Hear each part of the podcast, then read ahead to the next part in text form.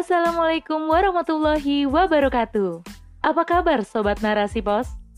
Kembali lagi bersama saya Giriani di podcast Narasi Pos.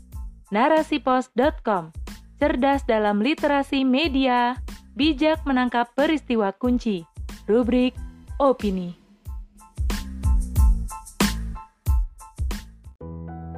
Refleksi 2021 dari moderasi hingga prostitusi oleh Hana Anissa Afriliani SS.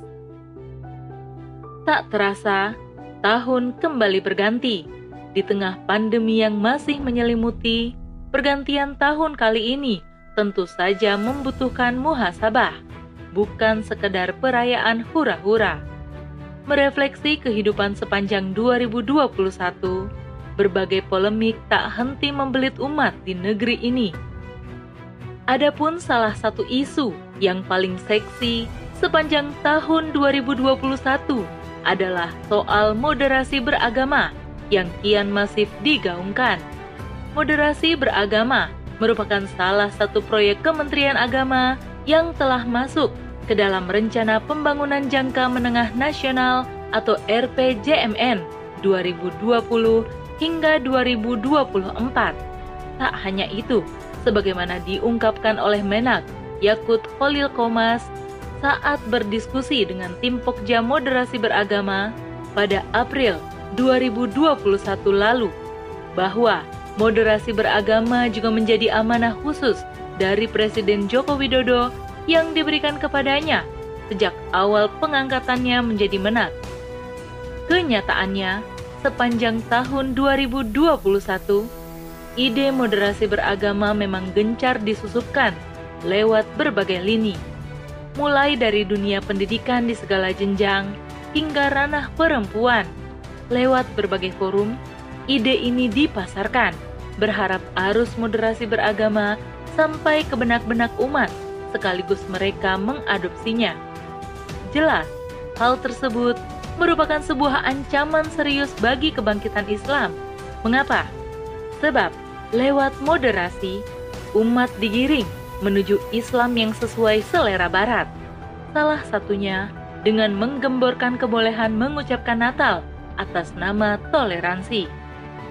Moderasi beragama juga kerap kali disandingkan dengan penanggulangan ekstremisme dan radikalisme.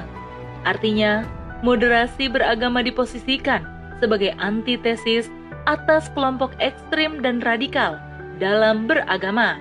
Sayangnya, radikalisme yang mereka maksud adalah kelompok umat Islam yang taat syariat secara kafah, bahkan memperjuangkan tegaknya khilafah. Itulah bahayanya ide moderasi beragama. Selain dapat menyuburkan sekulerisme di tubuh umat, juga dapat menciptakan Islamofobia dan perpecahan di kalangan umat Islam. Jika hal itu terjadi, maka proyek mendikotomi umat Islam ke dalam kelompok-kelompok sebagaimana tertuang dalam dokumen Rand Corporation benar-benar terwujud nyata. Dalam dokumen tersebut, umat Islam dipetakan ke dalam tiga kelompok, fundamentalis atau radikalis, tradisionalis, dan moderat. Adapun kelompok moderatlah yang kemudian dilabeli Islam humanis dan berwajah ramah, sebab dianggap sejalan dengan Barat. Dari sana terlihat bahwa ada upaya perang melawan Islam lewat pemetaan tersebut. Selain itu, ada upaya menciptakan keterpecahan internal di tubuh umat Islam.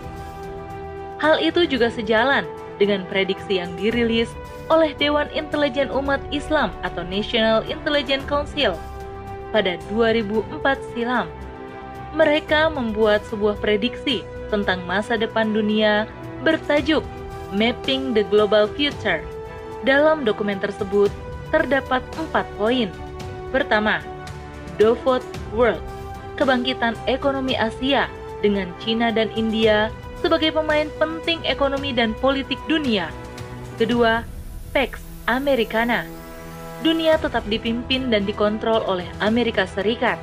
Ketiga, New Caliphate, bangkitnya kembali khilafah Islamiyah, yakni pemerintahan global Islam yang akan mampu melawan dan menjadi tantangan bagi nilai-nilai barat. Dan yang keempat, cycle of fear. Muncul lingkaran ketakutan atau fobia, yaitu ancaman terorisme dihadapi dengan cara kekerasan dan akan terjadi kekacauan di dunia. Kekerasan akan dibalas kekerasan. Dengan adanya prediksi demikian, maka pengarus utamaan moderasi beragama menjadi bagian yang tak terpisahkan dalam rangka membendung tegaknya khilafah yang mereka gambarkan akan menjadi tantangan bagi nilai-nilai barat. Sebab Islam kafah memang ibarat minyak dengan air jika disandingkan dengan nilai-nilai barat yang sekuler dan liberal. Islam memiliki prinsip khas yang bersandar pada hukum syara, bukan akal manusia yang terbatas. Jelaslah bahwa moderasi beragama merupakan agenda global dalam rangka menghadang kebangkitan Islam. Oleh karena itu, umat Islam perlu mengukuhkan pemahaman akan ajaran Islam yang sempurna atau kafah, agar tak mudah dicabik-cabik atas nama moderasi. Sementara itu, kasus prostitusi juga menjadi primadona di negeri ini, sebagaimana yang ramai diberitakan di pengunjung tahun 2021 ini, seorang artis berinisial CA ditangkap karena diduga terlibat prostitusi. Ia ditangkap di sebuah hotel mewah di Jakarta Pusat. Prostitusi merupakan bagian tak terpisahkan dari sekulerisme. Adanya prostitusi adalah akibat seseorang tak dekat dengan Tuhannya. Selain juga dipengaruhi oleh sistem kehidupan yang jauh dari aturan agama. Apa pun menjadi komoditas asal menghasilkan materi. Halal haram bukanlah pertimbangan. Sebaliknya, untung rugilah yang menentukan. Beberapa bulan lalu, hotel milik seorang artis yang berada di Tangerang juga harus berurusan dengan aparat lantaran ada laporan warga bahwa di hotel tersebut terjadi praktik prostitusi anak. Sungguh ironis. Kasus prostitusi memang kerap kali mewarnai pemberitaan di negeri ini. November lalu pun, sekitar tujuh tempat hiburan malam di wilayah Banten dibongkar paksa oleh Satpol PP karena disinyalir menjadi tempat prostitusi di samping miras dan narkoba. Luar biasa betapa kemaksiatan sungguh merajalela di negeri ini. Lantas, akankah di tahun yang baru kita tetap mempertahankan potret kelam ini? Terlalu banyak permasalahan yang menyelimuti negeri ini semestinya membuat kita bercermin. Manusia hanyalah makhluk lemah dan terbatas. Butuh sang holik sebagai al-mudabir atau pengatur atas hidupnya. Sebab Allah bukan sebatas pencipta, tapi juga pengatur, dan Islam diturunkan Allah sebagai jalan keselamatan sekaligus kemuliaan. Dengan demikian, sudah semestinya kita kian merapatkan diri pada ketundukan atas agamanya, bukan malah mengabaikan syariatnya. Sungguh, penerapan syariat Islam secara kafah akan menuai maslahat. Sebaliknya, meninggalkannya akan berbuah kerusakan, bahkan kebinasaan. Dekap erat Islam sebagai ideologi. Tunduklah pada aturan Sang Maha Pencipta. Kelak, negeri ini akan diliputi keberkahan, kemuliaan, serta ampunan yang luas.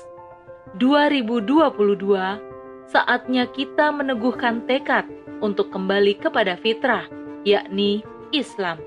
Sungguh, moderasi, bukanlah solusi bagi kebaikan negeri. Sebaliknya, hanya dengan menerapkan syariat Islam kafah dalam naungan khilafah sajalah umat Islam dan manusia seluruhnya akan selamat dan sejahtera. Tidakkah kita ingin merasakannya? Allah Subhanahu wa taala berfirman, "Masuklah kalian ke dalam Islam secara kafah dan janganlah ikuti langkah-langkah setan." Sesungguhnya setan itu musuh yang nyata bagimu. Quran Surat Al-Baqarah ayat 208 Wallahu a'lam bisawab